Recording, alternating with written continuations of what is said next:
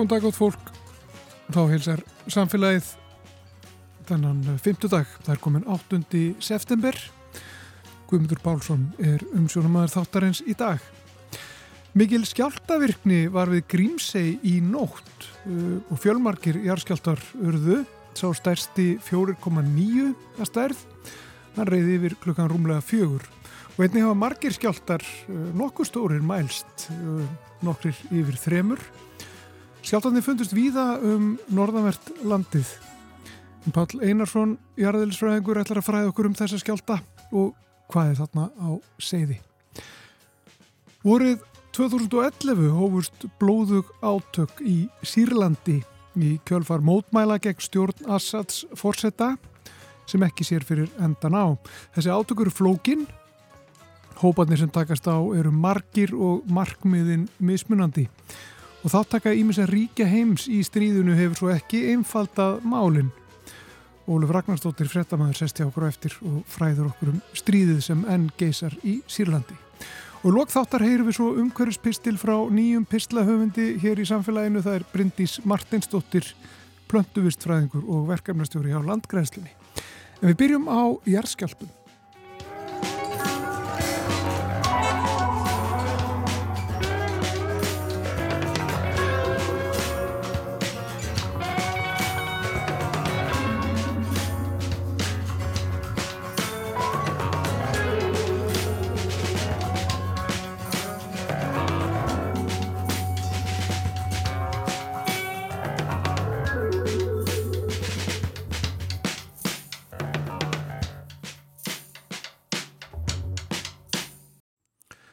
Þóra sestur hjá mér. Páll Einarsson, jarðelisfræðingur, verðstu velkomin. Þakka fyrir. Það eru þarna þessi skjáltar í nótt við Grímsei og það er að veit svona bísna stór, 4,9. Um, er þetta, er þetta ofinnilegt eða er þetta viðbúið á þessum stað? Já, Grímseingar eru nú ymsu vanir á þessu sveiði því að ein af megin greinum flekaskilan af margum rættu er er einmitt að það réttu bara austan við og norðan við eiguna, liggur fram hjá eigunni og gerna kent við, við Grímsei, Grím, Grímsei er beltið svo kalla, þetta er, þetta er þekkt skjáltabæli og, og þarna ríða yfir skjáltar af þessari stærðagráðu svona á já, já, nokkrum sinnum á hverjum áratug. Þannig að þetta er, þetta er enga veginn neitt óvenjulegt, þetta er, þetta er svona svo daglegt líf að, að hérna, er að segja í annálum gamlum sko, eftir, eftir grímseyinga að þá er eiginlega valla nefndir járskjáltar þeim það, það, er þá annarkvort hafa ekki verið inn í járskjáltar þá eða þá þeir að verið svo kvestaslegir að það tók því ekki að nefna þá. Getur þú útskipt fyrir okkur hvernig þetta svæði er og hvaða öll eru þarna að verki? Já, það er reynda svolítið flókið þarna fyrir Norðurlandi en á Íslandi almennt eru tvö svona megin jarðskjáltabelti. Það er það sem að flekaskilin hlýðrast til austurs og annað þeirra er hér á Suðurlandi eins og flesti vitað, Suðurlandsskjáltabeltið er af þessu tægi og Reykjaneskayin reynda líka.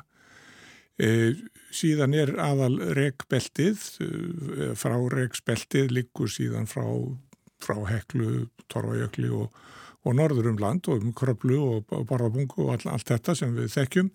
Og síðan hlýðrast það aftur þá til, til vesturs þegar kemur að, að ströndinni og það, það er, þar er það svolítið greinótt, það er að miskusti tvær eða þrjár greinar fleikaskilana sem, að, sem að eru þar og, og Grímsegabeltið er eitt af þeim, annað, annur grein eru Húsavíkurbeltið sem er svolítið sunnar og svo er annað þriðjabeltið sem er gætna kent við Dalvík, sem er Dalvíkur skjálti 1934 átt upptök á og þessi beltið þau sem sé virka samanlagt eins og skjáltabeltið á Suðurlandi, það, það er að hlýðra flekarekinu til því að fyrir Norðalandi er síðan aðal flekarekið um Kolbeinsega hrykkin sem er likku nokkuð vestarlega. Mm.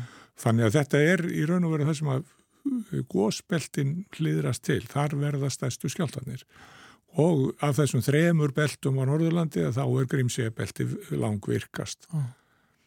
Ef við förum alveg í grundvallaratriðin og bara í, í þessar reyfingar, getur útskist þær?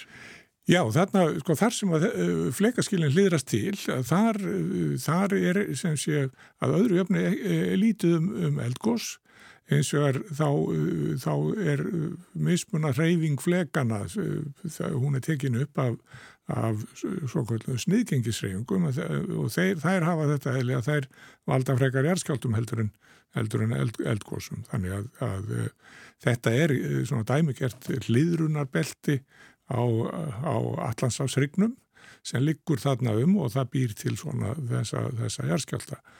E, það er reynda svolítið flækja í málinu því að e, það eru tvær greinar af þessum fleikaskilum almennt á Íslandi sem eru það sem við kallum skáreikspelti. Það er að segja að rekið er ekki alveg samsíða beltinu og heldur ekki alveg hotrætt á það. Og þessar tvær greinar eru mitt Reykjaneskægin sem að, hún hefur nú heldur betur látið til sín taka og hitt er Grímsegabeltið. Þannig að Grímsegabeltið því svipar talsveit til Reykjaneskægans og e, má segja eiginlega að það sé eins og speilmynd af Reykjaneskæganum. Þannig að, að, að því að e, flekareikið er svolítið á ská þarna þá er þetta hvort tvekja í senn uh, uh, skjáltabelti og það verða eldgóðsaði líka einstakar sinnum. Þannig að það er vel hugsanlegt að, að það verði eldgóðs á, á þessu grímsegabelti og þá neðan sjáar því að uh, grímsegabelti er nánast allt saman undir sjó. Það hefur ekki náða að byggja upp uh, Reykjaneskaga uh, á Norrlandi svo, svo það er ennþá eldvirkning og eldvirkning sem þarna er til langstíma litið að sjálfsögðu, eh, hún er þá neðansjávar og á hásbótni og en þarna hefur ekki orðið svo við vitum eh, eldgós á þessu belti síðan 1867 þá, þá varð neðansjávar gós fyrir norðan tjörnes. Mm. en að öðru leiti þá, þá ber sem sé Eh, hafsbótnin merkið þess að þar verða eldgóðsannaslægið en við vitum ekki til, við höfum ekki sögulegar heimildir fyrir neinum eldgóðsum á þessu belti eiginlega já, frá sem sé uh, Tjörnesinu og, og, og norðvestur fyrir Grímsei eh, þannig að það kemur bara Kolbensei sko. Kolbensei er ymitt orðin til við eldsumbrot á, á, á Kolbensei að hrygnum sko, sem er framhald af þessu Þannig þetta er, eh, eh, lífið svolítið flókið og skemmtilegt þarna fyrir norðan og, og eh, en, en eins og er þá kemur þessi virkni, þessi, þetta flekarreg sem að hann er, það kemur fram aðalega í jærskjáltum og skjáltarastærðinni 5 og, og þaðan að stærri eru vel mögulegir inn, inn á þessu belti og við þekkjum þegar á síðustu áratöðum sem sé all marga svona skjálta sem er nálgast 5 stygg mm. að stærð og þessi reyndar, þessi skjálti núna í nótt, hann, hann mældist nú á, á, á alþjóðlega mælakerfinu 5,1 þannig að hann er nú frekar stærri heldur en, heldur en það sem að veðustofan hefur, hefur áætlað fyrir, fyrir hann. Ahó, en hvað geta orðið stóri skjáltar hann? Það eru þekkti skjáltar hann sem eru sjöstig sko og uh, svo síðasti af því tægi var í Skagafyrði, Skagafyrðaskjáltin svo kallaði 1963 Hann, hann var sjöstig og hann átt upptöku út af minni skagafjörðar. Það er svolítið vestan við þetta og svolítið sunnan við þetta. En svo stóri skjáltar geta sem sé orðið á þessu, þessu uh, almenna skjáltabelti fyrir norðan. Uh, við þekkjum reyndar ekki svo stóra skjálta á Grímsebeltinu en uh, stærri skjáltar hafa orðið bæði ja, Dalvíkur skjálti 1934 sem var rúmlega 6 stig og, og, og skagafjörðarskjáltin sem var 7 stig. Ef við veltum aðeins fyrir okkur mögulegri eldurkni eins og að þú myndist á hann á hann á þess að að að við séum eitthvað að, að draga upp einhverja mynd eh, sem er ekki raunhæð eh, að er þá um, sko að því að það tala um Reykjanes eða það sé komið eitthvað svona fasa og, og sá fasi geti varað og það ástand geti varað á hundruð í appvel sko þar sem að gís nokkuð reglulega væri það svipað á þessum stað? Ef það myndi byrja að gjósa myndum en þá hugsa, já já nú er þetta tímabila hefjast. eh, Við bara þekkjum eiginlega ekki sögu eh, eldvirknar á, á, á þessu belti því hún er alltaf neðansjávar og, eh, og sennilega verður enna lítið vart. Jáfnveil þó að það gísi þarna dýpið er, er hvar nægilega mikið til þess að, að þetta er því sem sé raungós á hafsbótni sem er yfirleitt svona frekar friðsæl eh, atbyrður og þannig að við þekkjum bara ekki þessu sögu. Á Reykjanesi eh, náttúrulega hafa jærfræðir ansóknir leitt til oss þetta, eh, þessa sveiblu í virkninni sem þessar þúsund ára sveiblu sem er í eldvirkninni á Reykjanesi. Þannig að það koma svona eldgósa kviður á þúsund ára fresti cirka og þar hefur sem sé ekki gósið í 800 ár fyrireldurni fyrra og þannig að það er nú niðurstaðan svo að líklega sé að byrja á, eldgósa kviðu þar en uh, þessi virkni á, fyrir Norðalandi er bara, er bara ekki þekkt þannig að það er eiginlega ekki þetta að segja um, um það. Við getum þá sagt um þessa skjáltarhinu í nótt að hún var í, uh, ekkit sérstaklega frábröðun öðrum skjáltarhinu sem hafa verið bara síðust áratvíina á, á, á þessu belti mm og það var til dæmis talsvöldan um að gera um að, um að vera 1967 til 69 það, þá var þarna mikið um að vera. 1985 voru stóru skjáltar á þessum slóðum líka og, og þannig að það, það, það er alveg, alveg þekkt að skjáltar hafa sér svona. Og en sjáum við nú engin merki þess í þessari skjáltarunu sem var, í nótt að það tengist á reyndhátti einhverjum kvikkuviðbörðum. Þannig að þetta er sennilega bara svona vennjuleg jarðskjálta reyna uh, fyrir norðuströndinni. Já, en þessar reyfingar og þessi hliðrun sem verður á flekonum og sem veldur þessum skjáltum, er það tengist það, getur það tengst aukinni eldvirkni eða væru það kemur skjáltar sem tengdust kvikurreyfingum væri það, það bara allt um toga og allt um orsökum?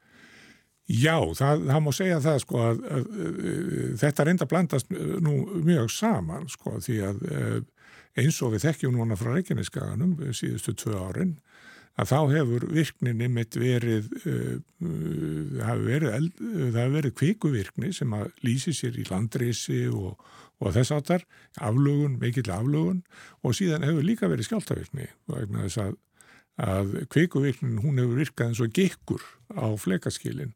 Þannig að flekaskilin hafa ver, verulega tekið við sér og skjáltarnir sem við höfum mörg fundið hér náttúrulega á, á söðvesturhóttinu þeir eru í raun og er ekki eðlileg, eh, eðlilegu fylgifiskur eldvirknar heldur eru þeir fyrst og fremst fle vegna flekarhefingana en kvikuvirknin virkar eins og gikkur það er þessi bissan er hlaðinn sko það er, er flekarnir flekarhefingarnar hlaða bissuna en síðan kemur kvikan og hún leipir af, hún virkar mm. eins og gikkurinn sko Og þá losnar spenna. Og þá losnar spenna og við sjáum þessa miklu jarðskorpu reyfingar sem að fylg, fylgja þessu sem er að, að annars ekki endilega mikil fylgifiskur uh, kvikurreyfingarna.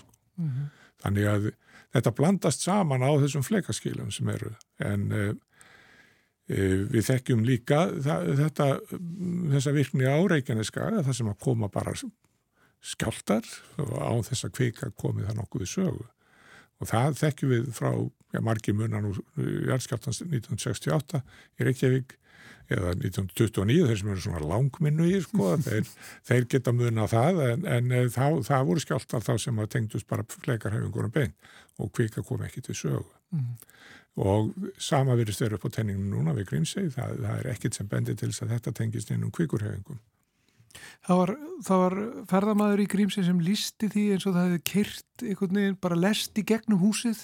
Minnar hafi lísti þannig núni nótt sko. Já þetta er nú lýsing sem að uh, bara ringi bjöllu venjulega reykinginga nú, nú orðið eftir, eftir þessi síðustu tvö ár.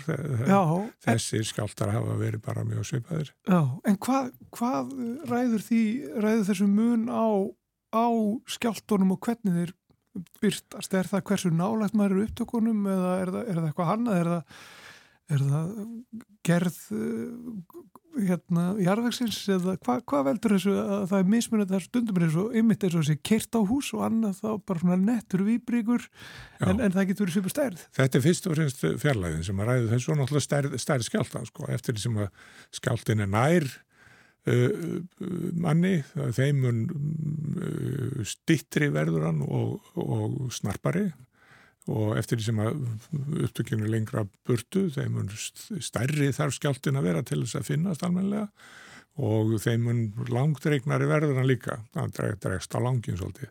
Þannig þetta er bara spurningum um fjallæð og stærð og, og uh, þessi lýsing sem við heyrðum í, í, í útvarpinni í morgun að hún, hún er bara því að, það, að allir reyngingar hefur gett að gefa svipaða lýsingar á skjáltónum í fyrra ja. og, og uh, margir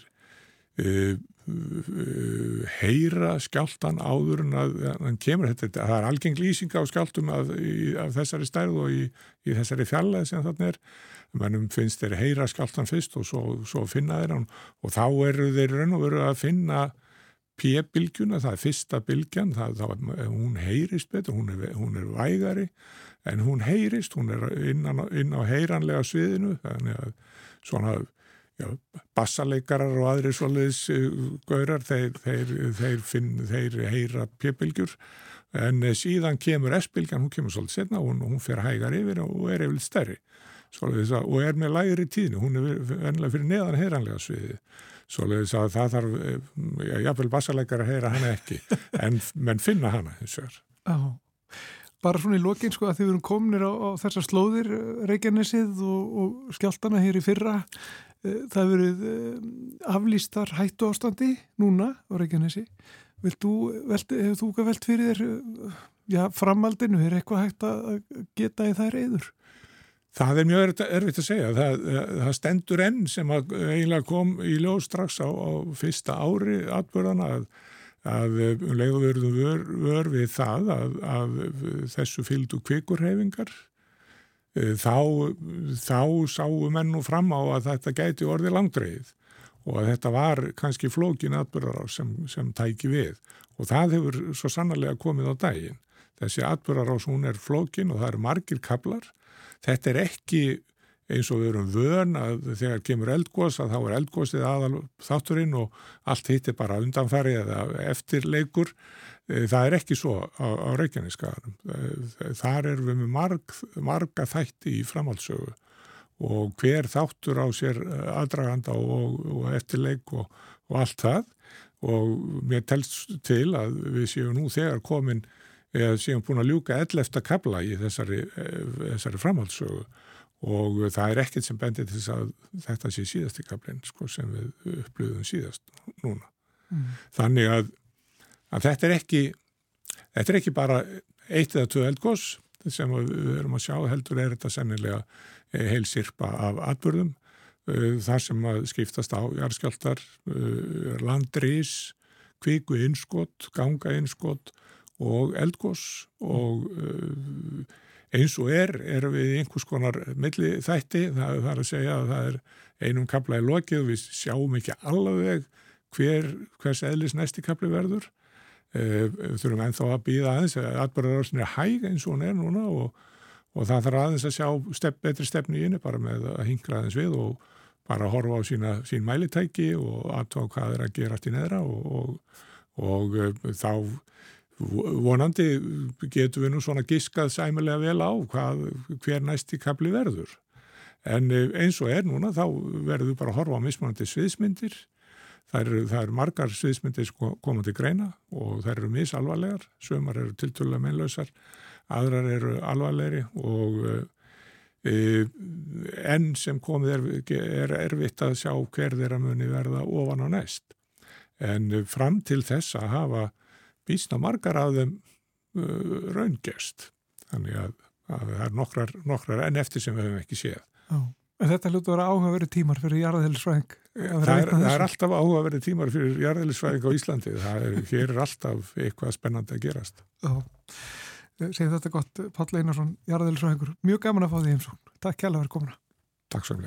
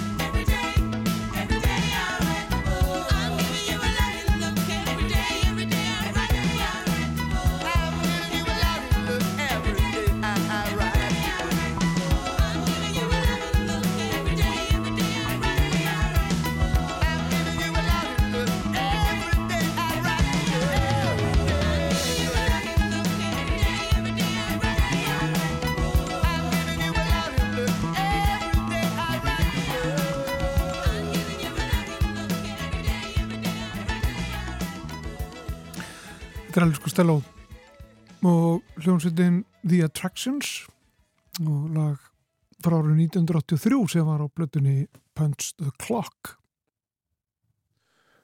Við ætlum næstu mínútur að tala aðeins um Sýrland og ófriðin þar sem hefur geisa núna í meira en tíu ár og hún er sest hjá mér Óluf Ragnarstóttir eh, frettamæður, verður velkominn til okkar. Takk um, Já, það, það hefur verið ófriður í Sýrlandi núna síðan 2011 uh, vorið 2011 mm -hmm.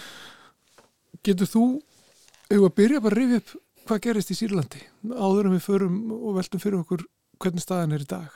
Já, við getum gert það. Það er náttúrulega ótrúlega laung saga og skiptir miklu máli að þekka einhvern veginn um, Sýrland og svona stjórnafarið og bara samfélagið einhvern veginn hvernig það var upp til 2011 við kannski fyrir mig ekki alveg yfir það allt hér núna en en í stöttumáli þá var þetta bara þetta svo kallaða arabíska vor þess að fólk um, mætti út á götur og mótmála vildi fá auki líðræði og frelsi. Uh, það var ekki mikið andri mitt þess að vera mótið stjórnvöldum og, og, og slíkt svona uh, borg, borgarlega samfélag var mjög um, já, var í rauninni bara ekki til sko, þannig í Sælandi þannig að þessi mótmæli og, og þeim var mætt með bara mikill hörku. Það endaði á því að hernum var bara beitt gegn fólkinu og, og þannig þróaðist þetta yfir í þetta hræðilega stríð sem að stendur enda Já, og það sem gerist þarna er að, að uh, það spretta upp reyfingar uh, sem er ansbyrna gegn þá Assad og ríkistjóninni mm -hmm. ekki satt?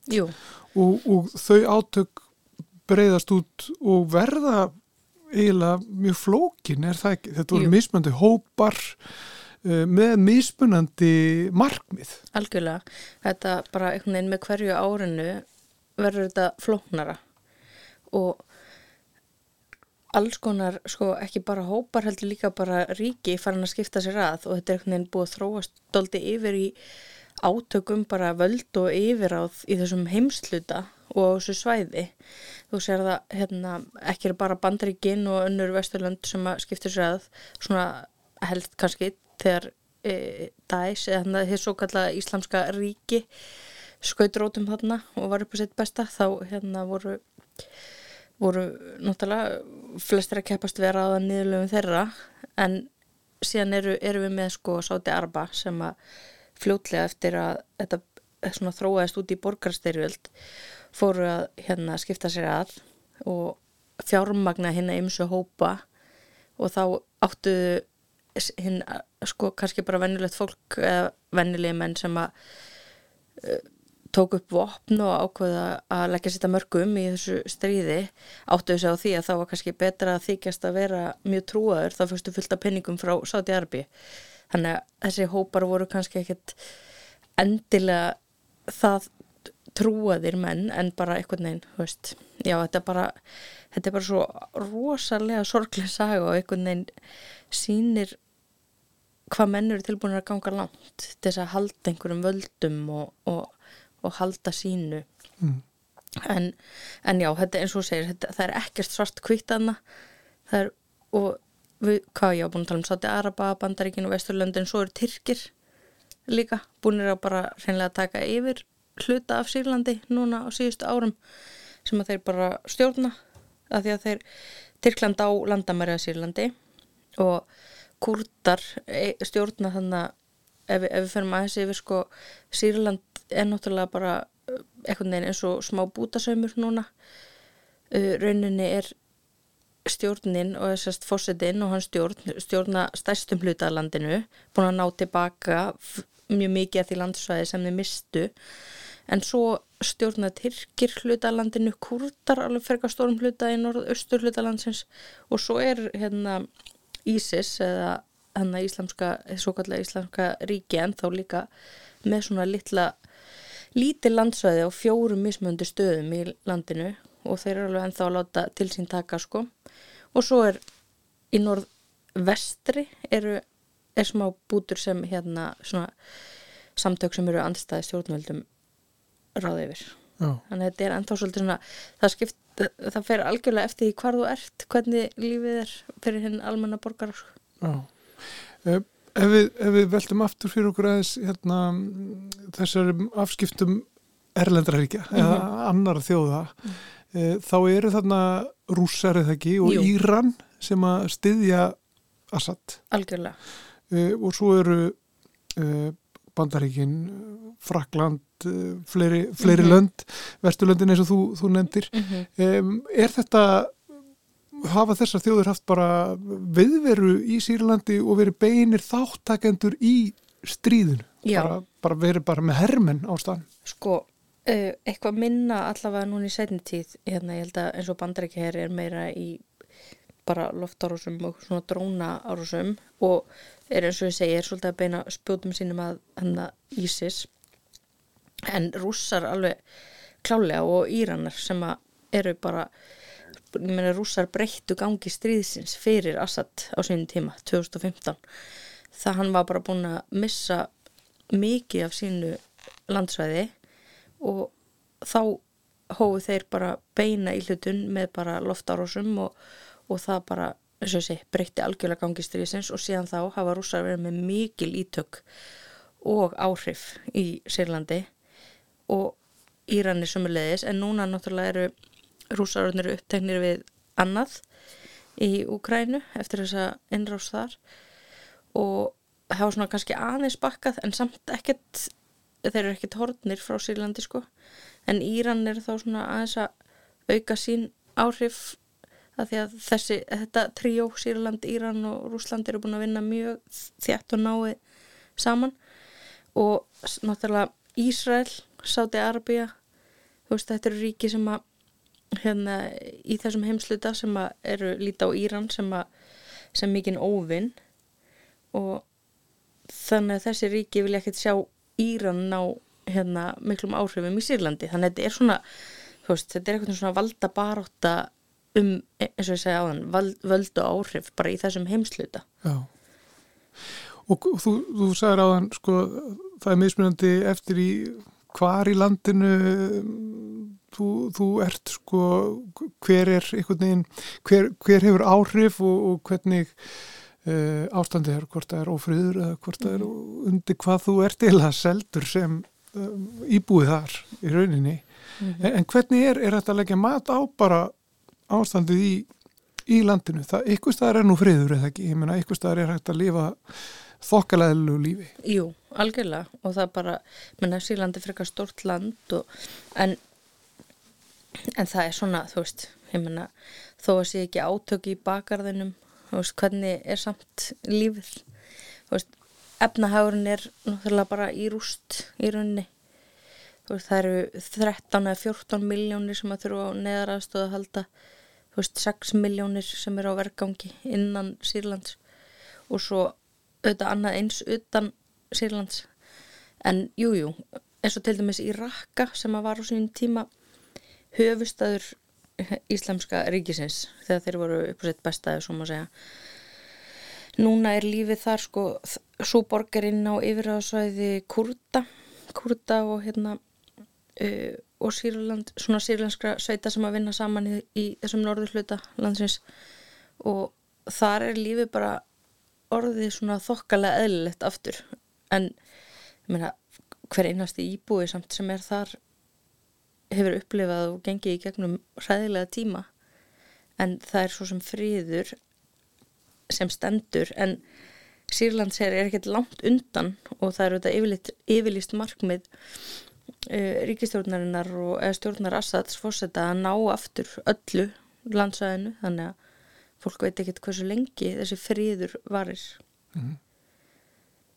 En núna er þetta búið að, sko, það er búið að vera þarna styrjaldi gangi mjög lengi, eins og ég sagði maður frá 2011, þetta er mjög langu tími. Eh, þokast eitthvað í einhverja átt eða er bara kás það er bara því miður erfitt að erfitt að sjá það einhvern veginn gerast og sjá það að Sýrland geti ekkert um hann aftur orðið Sýrland. Og það er bara svo umurlega sorglegt, veist, þetta er land sem að er svo drekklaðið að menningu og sögu og, og sko fyrir 2011 þá var Sýrland bara ágætlega vinsall áfangastæður fyrir ferðamenn og, og eins og dæmis mér er sagt, ég lærði nú sjálf arabísku þessum tíma og það var reyndar eftir 2011 þannig ég hafði ekki tækifæri til að fara til Sýrland sem mér er sagt að það hefur verið langbæsti staðurinn til að fara að læra arabísku til dæmis. Og þetta er bara já, einhvern veginn svo skelvilegt dæmi um hvað menn eru tilbúinir að ganga langt, þú veist að ég menna, ég segjum að Assad vinni þetta stríð og bara hann nái bara Sýrlandi aftur og þú veist, hvað sigur er það?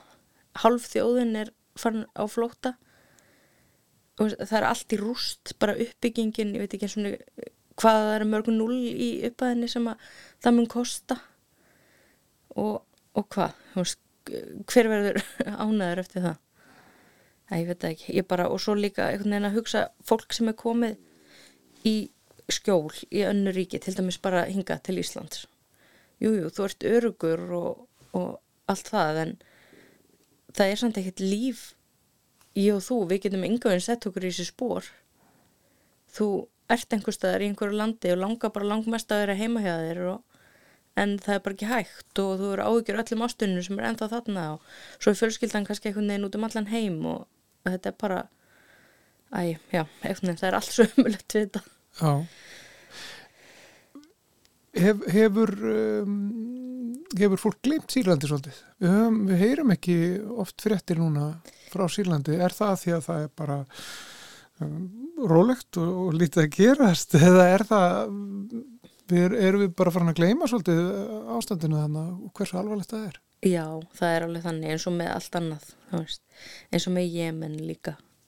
Það bara, þegar búið að vera sama ástand í rauninni svona en að gæðsalapa í svona loka tíma þá er þetta eitthvað neinn þá er eins og þetta sé ekki lengur eins frettnæmt bara Ísrael, Palestína Jemen, Sýrland bara það er ennþá allt umulett, það er ennþá átökjum minna bara núna í ágúst í Sýrlandi þá voru um hundra almenni borgarar sem að dóu út af átökum.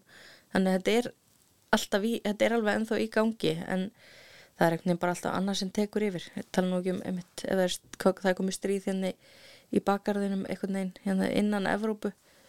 Og fólki finnst það nær sér þannig að já, þetta, þetta er eins og með allt það bara, það gleymist svolítið, það er alveg rétt. Mm -hmm.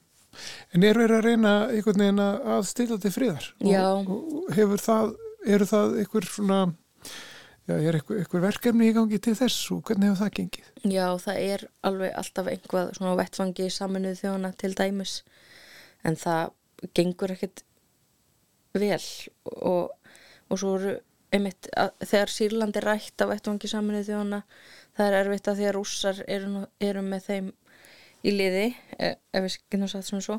Og þeir hafa náttúrulega neitunavald í örgisræðinu þannig að það er erfitt að koma málum í gegn þar en það gengur bara því miður ekkert sérstaklega vel sko. En það er þetta líka hver er talsmaður hérna, stjórnar anstæðinga það er eiginlega enginn sko. Það er svo rosalega margir og mismöndi hópar og, og einhvern veginn erfitt eins og ég segi, allavega eins og komið er mjög erfitt að sjá fyrir sér eitthvað pólitíska löst á þessu, þessu ræðilega stríði.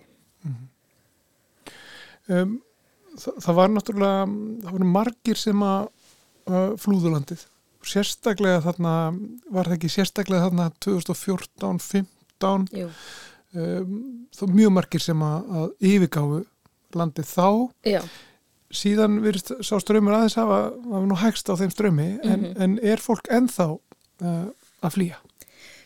Það er bara eiginlega ekki hægt sko það er mjög erfitt sérstaklega fyrir þau sem eru þarna í uh, norðvestur hlutanum í Illipýraði og þar þar er um þrjár miljónir manna sem er eiginlega bara lóku unni af því að þetta er svona lítill lítill vasi sem að uh, er undir stjórn samtaka sem að heita Hayat Tahrir al-Sham sem eru tengd Al-Qaida og svona lífið er ekkert endilega frábært þar heldur en þetta fólk getur ekki farið yfir á svæði sem er undir stjórn Assads að því að þar eru þeir bara skot mörg fyrir að vera stjórnar andstæðingar landamærin við Tyrkland eru alveg lókuð og bara lífshættulegt að fara þar yfir. Tyrkir eru þetta búin að taka móti miljónum sírleitinga og er ekki spenntir fyrir því að fá fleiri og bara eins og margir í Evrópu, ég meina Danmörku byrjuði að senda fólk aftur til Sýrlands, þannig að ástandi er orðið þannig sko. Fólk hefur bara komið með nóg sko. En eins og umöðlegt það, það er, en það er bara enga veginn örugt fyrir fólk að fara aftur til Sýrlands þó að er, danska ríkistónin segja það sko. Mm -hmm. Það er bara, en auðvitað, ég menna fólk, en hvað á fólk samt að gera? Það er bara, menna, og sýrlenskir flótamenn, það eru mjög margir í Líbánun líka. Lífið er bara frekar ömulegt þar fyrir sírlendinga eins og í flestum nágrannaríkjanum það er kannski helst þau sem að hafa komist allarleið til Evrópu sem að geta einhvern veginn hort allavega átt betra líf en en ég veit ekki, þetta er bara einhvern veginn mjög erfitt að horfa upp á. Já Með ljúka þessu svona Ólaf Ragnarsdóttir eh, frettamæður, takk fyrir komuna í samfélagi, takk fyrir að já, upplýs okkur um, um uh, ástandið í Sýrlandi eins og það er ennþá bara, reynlega. Takk fyrir mig.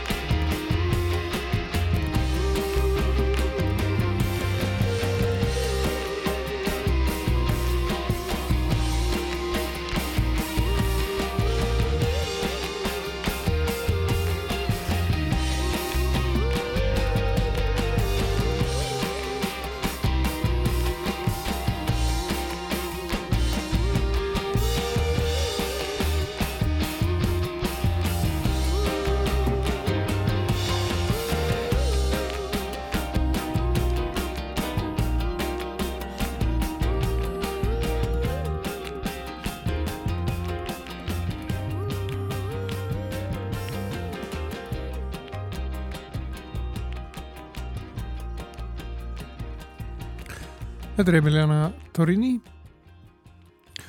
og lagið Heard It All Before. En uh, næst ætlum við að heyra umhverfispistil og það er nýr pislahöfundur í samfélaginu sem ætlar að uh, lesa okkur pistilinn. Það er Bryndís Martinsdóttir, brönduvistfræðingur og verkefnastjóri hjá Landgræslunni. Gefum henn orðið. Í hugum margra er gróður og jarðvegur það er moldin svo sjálfsagður hlutur að við áttum okkur ekki á því að þetta er meðal okkar allra mikilvægustu auðlinda. Auðlindir sem allt okkar líf byggir á. Þessar auðlindir eru grunnurinn að lífsnauðsynlegum vistkerfisferlum og þjónustum, svo sem kólefnisbindingu, matvælaframleiðslu, vass- og næringarfnarringrásinni og frumframleiðni. Og líkt á með aðrað auðlindir eru þær takmarkaðar og við þurfum að hugsa vel um þær. Ástand þessara auðlinda, gróðurs og jarðvegs, mætti vera betra. Stór hluti íslenskara vistkerfa er í hnignuðu ástandi, mikið er um jarðvegsróf og töluvert af ótlendi hefur verið framrast að óþörfu. En við tökum ekki endilega eftir þessu. Sérstaklega þar sem mikið af þessari hnignun hefur átt sér stað á laungum tíma og fyrir okkur er hnignað ástand auðlindana venjulegt ástand.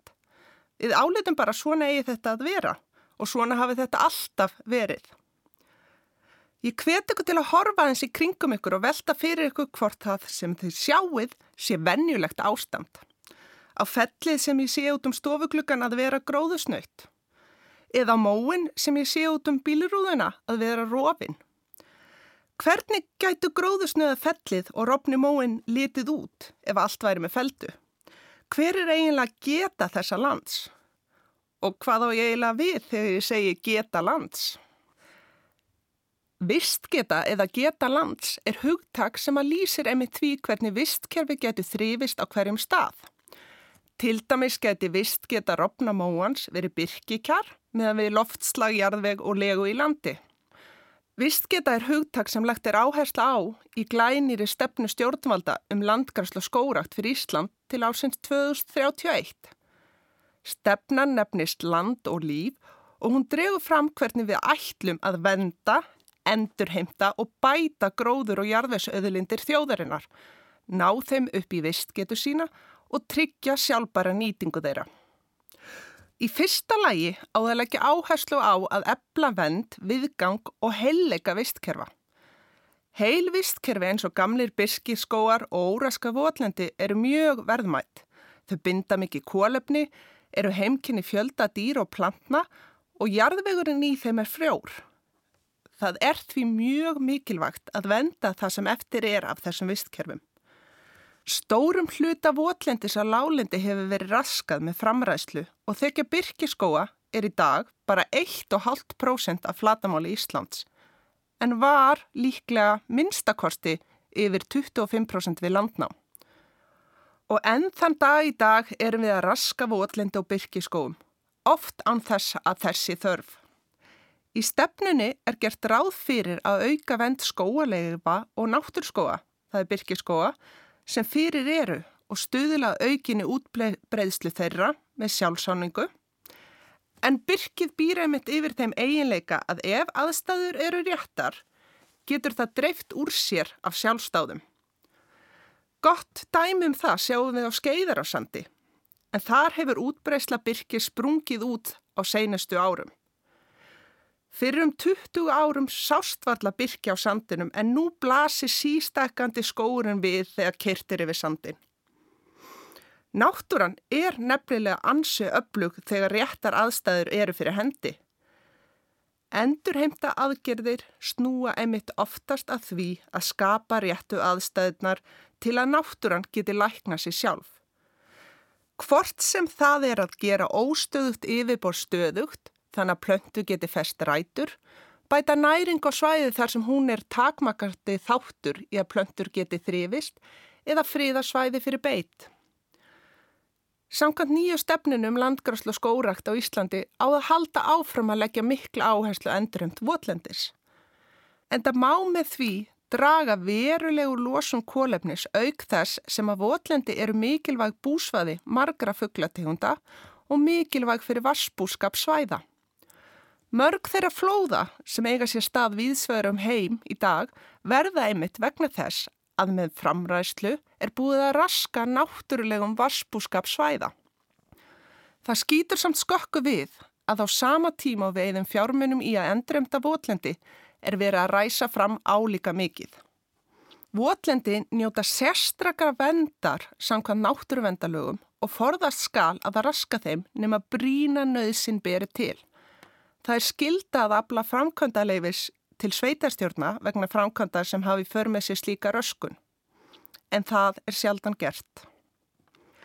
Í stefnunu er einnilögð áhersla á að beita vistkerfisnálgunum sem þýðir að við aðgerðir til dæmis í landgræslu og skórakt og við nýtingu lands þarf að taka tillit til allra þáttavistkerfinsins og mögulegum áhrifin nýtingar og aðgerða á einstaka þætti þess. Það er því lögð áhersla á að vanda vel til verka við undirbúning aðgerða, byggja aðgerðir á bestu vísindilega þekking á hverjum tíma og hugsa fyrirfram út í langtíma áhrif aðgerð okkar á visskerfin. Á meðan við viljum auka mjög útbreyslu byrkiskoa þurfum við á sama tíma að huga að hvaða áhrif svo aukning hefur á aðra lífverur. Á sumum stöðum getur verið æskilegt að viðhelda mólendi, óröskuðu að sjálfsögðu, með hóflegri beit í stað þess að endurhemta byrkiskóa til að tryggja að við höfum nægt búsvæði fyrir mófuglan okkar. Ef við hugsum ekki út í þetta í upphafi gæti við eftir 50 ár því við erum komin með nýtt vandamál sem skapast af aðgerðum okkar. Í öðru lægi leggur stefnan áherslu á að ebla náttúrum eða lausnir í loftlagsmálum í samræmi við alþjóðlegar skuldbindingar. En hvað eru þessar náttúrum eða lausnir? Í náttúrumiðun lausnum er verið að hámarka getu náttúrunar til að veita okkur þjónustur, svo kallar visskerfist þjónustur, sem vinna meðal annars gegn hamfarallínun, tapi á lífræðilegri fjölbreytni og tryggja matvalauðriki. Hluta því að berjast gegn hamfarallínun er að draga úr losun og auka bindingu kólefnis. Gróður og jarðvegur mynda saman eitt stærsta kólefnisgeimi jarðar Við getum stækka þennan geymir og þar með kolumbusbindinguna með því að auka gróður og venda og byggja upp jarðveg. Við skórakt og uppgræsli lítgróðans lands verður aukning á kolumbusforða þess. Með því að komi í veg fyrir eða loka rofi á grónu landi, endurhemta votlendi og vernda kólublisrík vistkerfi landsins eru þið einna að venda þennan geymir. Þar sem að losun koltvísirings frá röskunum vistkerfum landsins er starsti hluti útblásturs Íslands eru náttúrulega meða lausnir sem byggja á vendun og endurhend vistkerfa og ræktun skóa líkil atriði til að Ísland nái kólumdegshlutleysi sínu árið 2040. Þriði áherslupunktur stefnunar er að stuðla sjálfbari landnýtingu. Þegar við tölum um sjálfbara landnýtingu á það við alla okkar nýtingu á vistkerfum hvort sem það er á votlendi, beitarlöndum, skóar eða á ræktalöndum. Með því að nýta landa og sjálfbaran hátt göngum við ekki á þær auðlindir landsis sem meðal annars liggja í gróðri og jarðvegi og tryggjum að komandi kynnslóðir geti einnig notið þeirra. Dæmi um sjálfbara landnýtingu er að tryggja að beit hústýra sé á svæðum sem þóla beitina og tryggja að beitin sé ekki á mikil.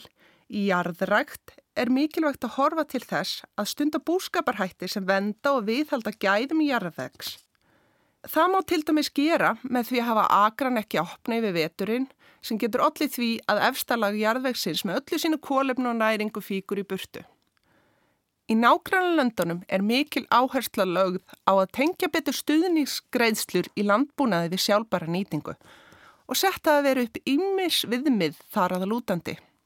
Hérlendis er verið að vinna reglugerð með leiðbenningum og viðmiðum fyrir sjálfbara landnýndingu.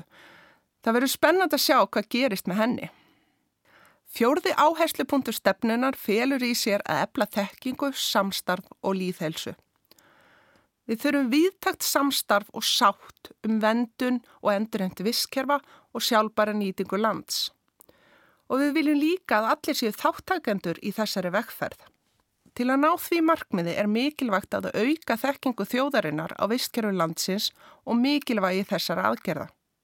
Upplýsingarnar sem við fáum meðal annars og fjölmiðlum eru oft misvísandi og erfitt að vita hverjum við eigum að treysta þegar einn segir þetta og annar segir hitt.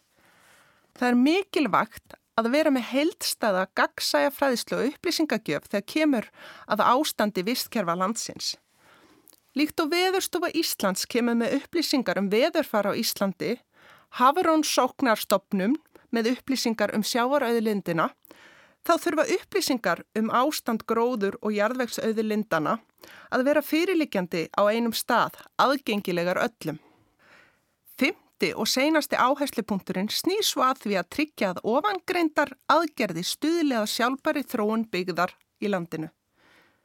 Í stefninu kemur fram að gera í landslut á svæðisáallanir í landgræslu skórakt, þar sem grunnur verður lagður að sameilegri sín fyrir hvert svæði, um endurheimt visskerfa, uppbyggingu öðlinda og sjálfbæra nýtingu. Það felast nefnilega ótal tækifæri fyrir byggði landsins í þessari stefnu. Endurheimt visskerfa og skórakt eru atvinnuskamati og endur nýjað styrtarkerfi í landbúnaði sem leggur áherslu á vend, endurheimt og sjálfbæra nýtingu býður upp á marga nýja og spennandi möguleika. Mín von er svo að með þessari stefnu og aðgerða áallun sem henni fylgir hafi Ísland stíði stórt skref í rétt átt. En stefna stjórnvalda ein og sér er ekki nóg. Það þarf að framfylgja stefnunu. Við höfum öll tækifæri til að sjá til þess að það verði gert.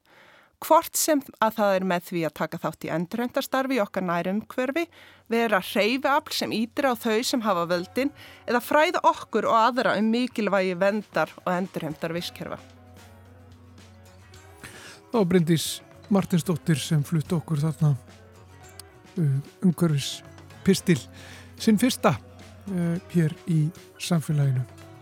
En við ætlum að uh, ljúka samfélaginu með þessum orðum með Pistli Bryndísar. Við verðum hér aftur á morgun að sjálfsögðu á sama tíma klukkan eitt. Heyrst á.